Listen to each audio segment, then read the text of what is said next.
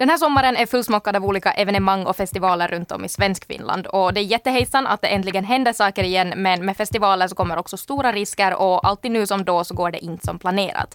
Det är inget nytt att artister avbokar hit och dit och att publiken tar ut sin ilska på sociala medier. Men vem är det man egentligen ska vara arg på eller ska man alls vara arg? Till veckans avsnitt av Fatta grejen så har vi snackat med personer inom festivalbranschen för att ta reda på vad som egentligen händer bakom kulisserna.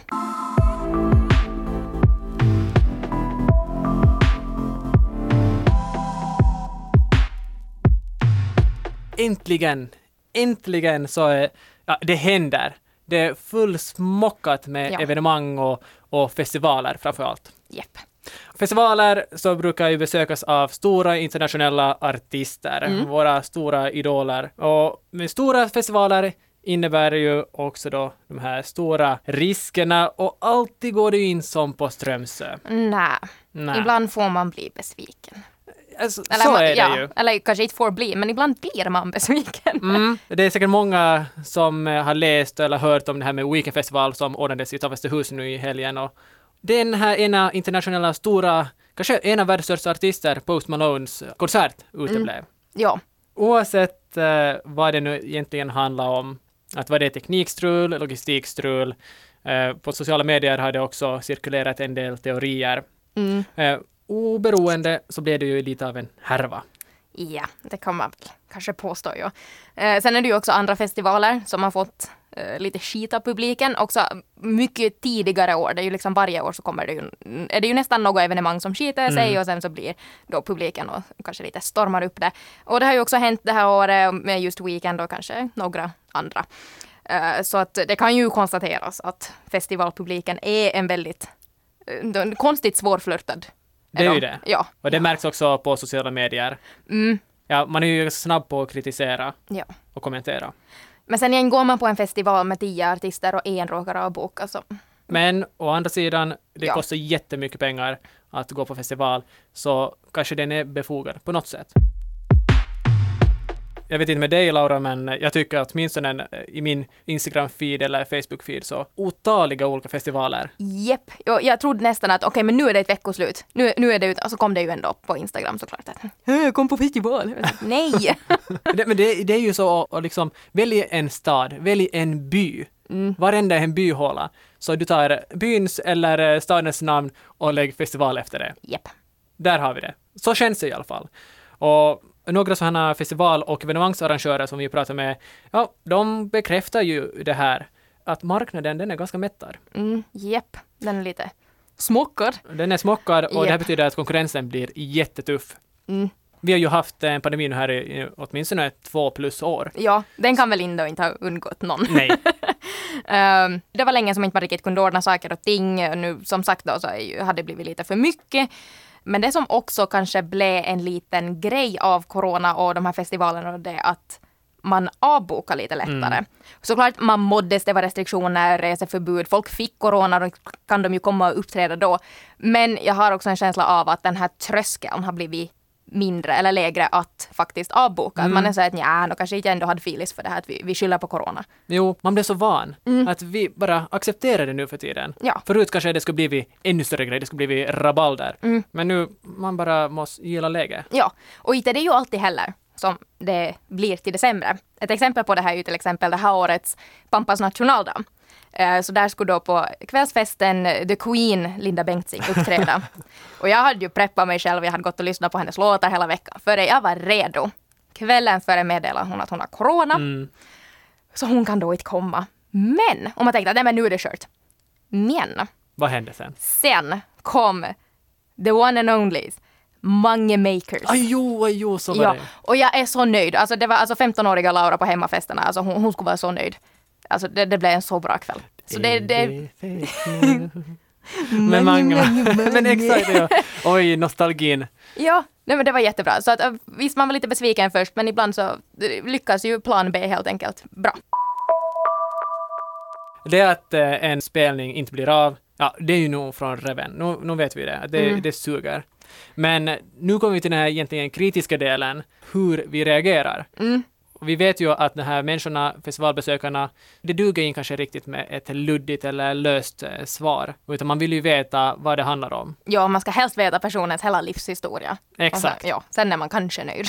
Ungefär. ja. Och det här slår ju också Konkurrens och konsumentverket fast att uh, man är ju som festivalarrangör skyldig att informera om eventuella förändringar. Det som man kan dra slutsats av det här så är att kommunikationen, ja, den är ju viktig. Helt som för ett gift par. Men det är ju så. Nå jo, no, i och för sig, du har en point, jag ska inte argumentera emot det. Mm, Men jo, jo nej, nej, liksom så alla har lite sitt eget, sin egen ansvarsroll att spela. exakt. Men allt är inte ju heller så svartvitt. Nej, det är ju det. Nej, att arrangörerna får ju skiten och, och just som sagt, man går hårt mot dem på sociala medier och det, men det är inte alltid arrangörens fel. De tar ju de här jättestora riskerna. Att Mm. varför skulle de nog vilja avboka och just riskera konkurs och dålig image samtidigt som det också just eh, suger för festivalbesökaren. Mm. Men frågan är ju också, vem bär ansvaret? Mm. Det är ju the million dollar question. Och vi har ju snackat med tre olika personer inom branschen som har fixat olika festivaler och evenemang Mm. tidigare. Och för att få veta hur det riktigt står till. Det är ju en bransch som förändras och det här menar ju också Daniel Lindholm som är underhållningsproducent. Hade branschen det knepigt innan pandemin så har branschen det väldigt knepigt nu för att det är jättemycket festivaler, det är jättemycket nya festivaler, det är jättemycket evenemang. Och jag menar, någonstans så, så kommer ju väggen emot. Alltså, dels har vi ju den här inflationen och att köpkraften minskar i och med det eh, samtidigt som utbudet blir bara större. Så att om du tänker en normal finländares månadslön, average lön, så hur många festivaler kan man gå på per sommar med en normal lön? Så det finns ett stort, stort utbud och jag skulle säga att det är lite sådär playoff den här sommaren. Att vem vinner och vem försvinner. För vi har ju redan sett många evenemang som man nog funderar att det är inte ens frågan om att gick det på minus utan hur mycket. Tyvärr. Så jag menar, och, och den här branschen har ju aldrig varit riskfri bransch på något sätt innan. Så att det nu bara kommer mera entreprenörer som, som, som ska ställa igång med, med, med festivaler och annat. Så det är inte så lätt. Eh, det ser ju inte så ljust ut för festivalbranschen. Nej, eller alltså det är just det, det är ju liksom vad man skulle kalla ett positivt problem. Mm. Det är ju positivt samtidigt som det är ett problem. Mm. Ja, det finns ju bra med utbud, men finns det för mycket? Ja, Mm. det är liksom för mycket av det goda. Kanske det. Men för att gå tillbaka till industrin och problemen med artister som avbokar, så med det arrangören som vi pratat med säger nog att det sist och slutligen är de här upp till artisterna. Det är på Mm. deras villkor. Och det här menar till exempel också Henrik Hagnäs som är ordnar bland annat Big Day Festival i Vasa som går av stapeln nu senare i juli. Mm. Nu är det ju väl inte ofta som festivalen vill avboka någon. Mm. Eller arrangören alltså. Mm. Jag har svårt att se varför man skulle vilja avboka en artist man har bokat. Jo, men som vi snackade lite med Henrik också om det här att eh, det finns ju de här klassiska orsakerna varför eh, vissa artisters konserter uteblir. Som till exempel eh, att det blir krångligt att ta sig hit. Mm. Och då tänker vi ofta att eh, ja, Finland, det är ju bredvid Sverige och, och så här nordiska länderna. Att efter Keikan i Stockholm så det är bara som att komma till Helsingfors då eller? Ja, Men eh, nej. Så här fick jag höra att Finland är egentligen som en ö ja. helt geografiskt och logistiskt. Alltså, om man tänker efter, om man ska komma hit, jo, artisten kan ju flyga med sin privatjet eller vad det nu än är, men allt med scenen, hela produktionen, allt som behövs för den där spelningen, så det måste ju fraktas hit med båt. Det här var jätteintressant för jag har aldrig liksom tänkt på det ur den här synvinkeln att vi faktiskt bor i ett land som är relativt svårt att komma smidigt till. Mm. Vi tycker ju alla bara att vi tar Sverigebåten över. Ja, Men det Men kanske det- inte är så lätt när man har 18 lastbilar med sig. exakt. Nej. Och nu vet vi också att eh, kommer via Haparanda, ja, det tar nog så lång tid. Ja. Eller Ryssland är ju också uteslutet nu. Ja, så. Så det är inte så lätt som man kunde tro. Jag kom på en idé, men den är troligtvis jättedum. Jag var såhär, men varför kan inte man ha så här Zoom-festivaler? Att, för då kan ju en artist vara på flera scener samtidigt. Men sen är väl grejen det att man ska se Mm. den live, så att okej. Men sen igen så är väl grejen också att man ska stå dit med i publiken i massan och Mm. dansa med folk. Så den är ju Alltså- helt dum. Jag tror, Laura, att du är före din tid nu. okej, vi väntar några år. Vi väntar några år.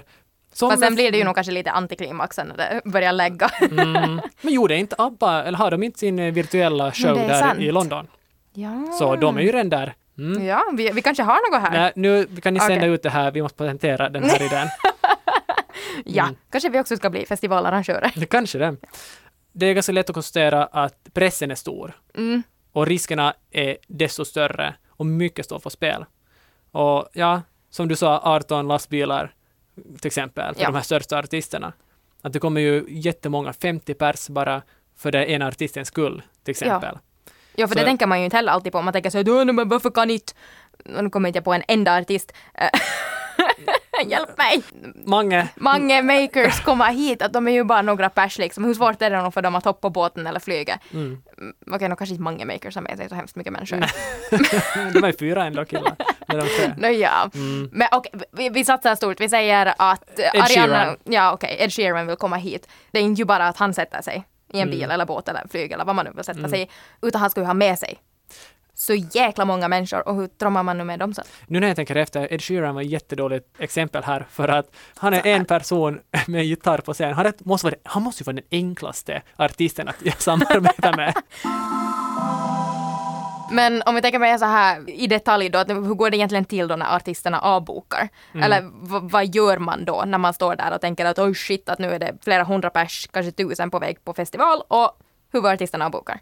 Först och främst så försöker man ju lösa problemet. Ja, det är ganska Mm, logiskt. Eh, Men om vi inte lyckas, så, eller om det blir för komplicerat, då försöker man hitta ju en ersättande artist. Och Att man har ju olika A, B, C, D, E, Ö alternativ. Men som vi var inne på, så det är inte så lätt att hitta samma kalibers artist. Mm. Om vi har Post Malone som exempel. Nej, jag tar nog hellre många makers. Ja. ja, du ja. Jag vet inte hur många andra där 40 000 där skulle vara så nöjda om många makers skulle. All respekt till dem, de Jo, jo, nu ska du akta dig här. Mm. Okej, men om vi nu då för en stund struntar i att vem man ska vara på eller så här. Vi glömmer de där stora artisterna för Ja. en sekund. Mm. Japp. Eh, men finns det då konkret egentligen något en festivalbesökare själv, alltså jag, du kan göra? Inte egentligen. Ja, okej. Nej, Nej men det, det låter lite hårt på något sätt. Mm. Men eh, med de arrangörer som vi pratar med så finns det nu egentligen inte så mycket som du eller jag kan göra. Det var ju uppmuntrande. nå, nej, Mm. Men- vad skulle vi nog kunna göra? Nå, vad ska vi kunna göra? ja.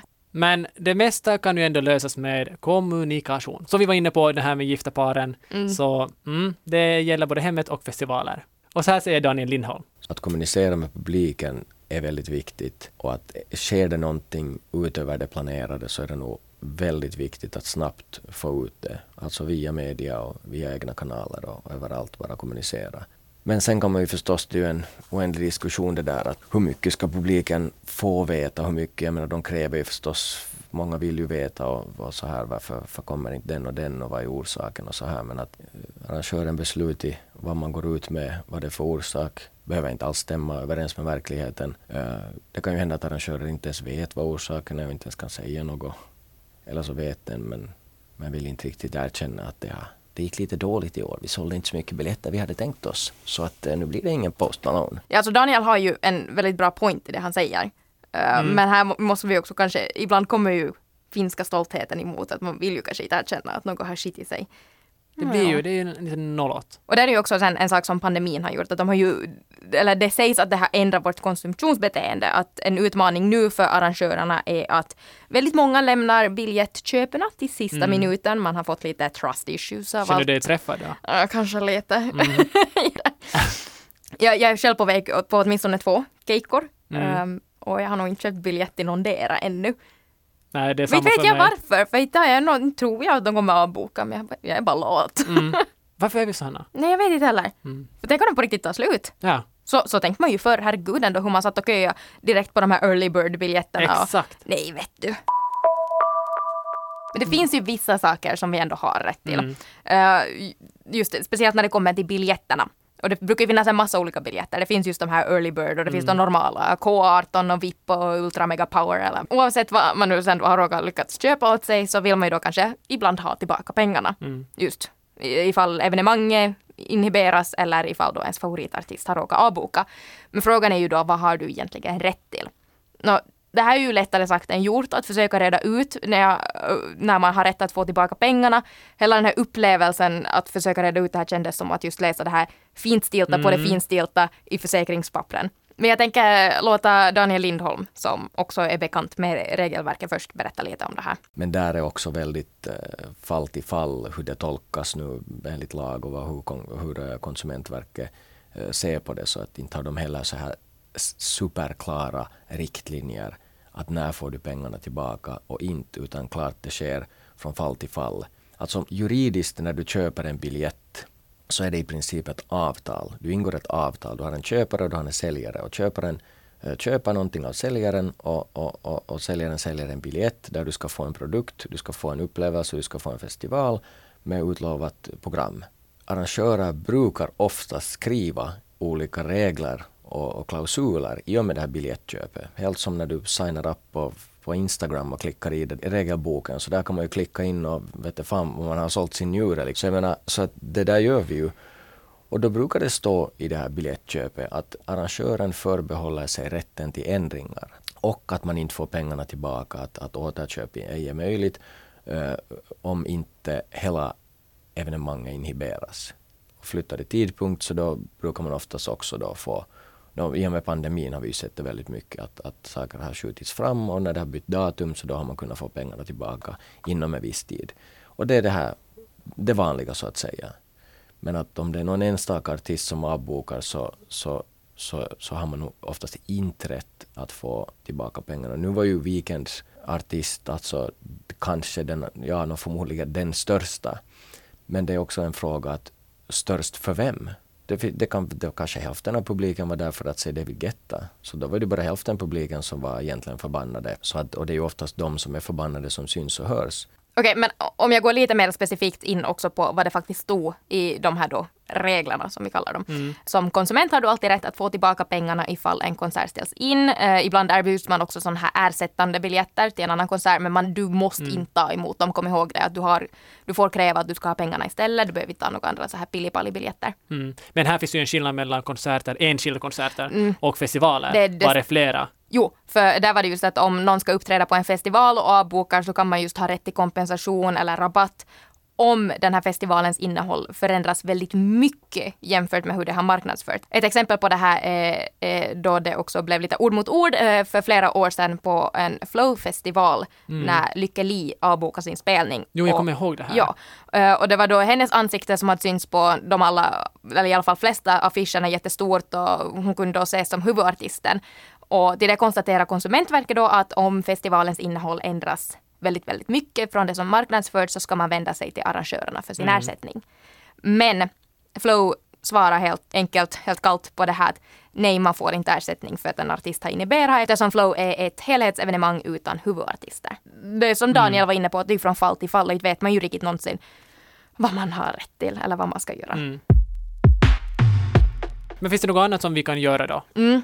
Eh, nå, vi har lite här ju tips från coachen. Oberoende vad du nu sen har rätt till just när det handlar om från, så mycket från fall till fall, eh, så finns det ju olika sätt man ändå kan skydda sig som konsument, som låter jätteosexigt, men alltså som festivalbesökare eller biljettköpare eller vad du nu vill kalla det. Eh, Så till exempel så kan du skydda dig genom att köpa evenemangsbiljetter med ett kreditkort. Och jo, förlåt, jag vet att alla inte har ett kreditkort. Jag har inte ett heller. Men kanske, eller kanske man kan låna någons. Okej, kanske inte man lånar ett Nej. kreditkort. Men, Men det, om du har ett, eller Ja. tänker skaffa ett, så det är ett bra sätt. Absolut, för det är ju sen att då kan du också ställa krav på kreditkortsbolaget och de har ju skyldighet att reda ut sådana här saker. Men har du betalat till exempel genom en banköverföring eller så här Mobile Pay eller någonting så då har du inte samma rättigheter tyvärr. Eh, och bra också att komma ihåg är att de här olika biljettförsäljningstiderna som det finns massor av också nu för tiden inte nödvändigtvis har något ekonomiskt ansvar alls. Utan normalt så fungerar de bara som just så här förmedlare och själva det här ansvaret ligger hos själva arrangören. Att de i princip, de bara är den här mellanhanden som ser till att biljetterna säljs. Eller ser till att biljetterna har en plats att säljas på. Exakt. Det här är ett spindelnät på något sätt. Det finns många olika Ja. Parter involverade. Nej, det, och det är ju där det blir så svårt sen också att försöka reda ut att vart ska man fara och vad ska man göra och sånt här. Um, men sen också en sista sak, att hur osexigt det än är, läs alltid avtalsvillkoren när du köper en biljett. Också till andra saker såklart, när du laddar ner en app och så vidare. Men nåja. Uh, för som Daniel sa, så se till att du inte säljer en njure eller något annat organ. Helst inte. Men, det var ju några bra tips från coachen. Ja. För att sammanfatta det här på något vis. Mm. Det är ju jättenice och jättekul att fara på festival. Det kan vi båda vara gemensamt Mm. överens om här. Vi ska ju båda på festival, för, förhoppningsvis om vi får biljetterna. Ja. Efter det här så vi ska köpa biljetterna. Mm. Japp. Men eh, det här betyder ju att det finns kanske också en risk alltid att en artist, din favoritartist, eh, avbokar. Mm. Och det är ju skit. Men det lönar sig alltid då att ha koll på sina rättigheter, Mm. men samtidigt ha med en gnutta förståelse. Ja. Man kommer långt med det. Japp. Medan du nu står där och dricker din öl och lipar för att inte du fick se Post Malone. Så Eller har, Mange Makers. Ja, så har folk svettats och gnidits och stressats för att fixa ihop den här festivalen. Mm. Och det krävs så mycket mer arbete bakom det här än vad vi kan Mm. ana. Det här var veckans avsnitt av Fatta grejen med mig, Laura och Niklas. Tack för att du lyssnar och om du har kommentarer om avsnittet så får du jättegärna höra av dig till Niklas. Niklas.gronholm.yle.fi Yes, eller sen till mig på laura.tornros.yle.fi. Du hittar oss också på Instagram under namnet yleextremnyheter.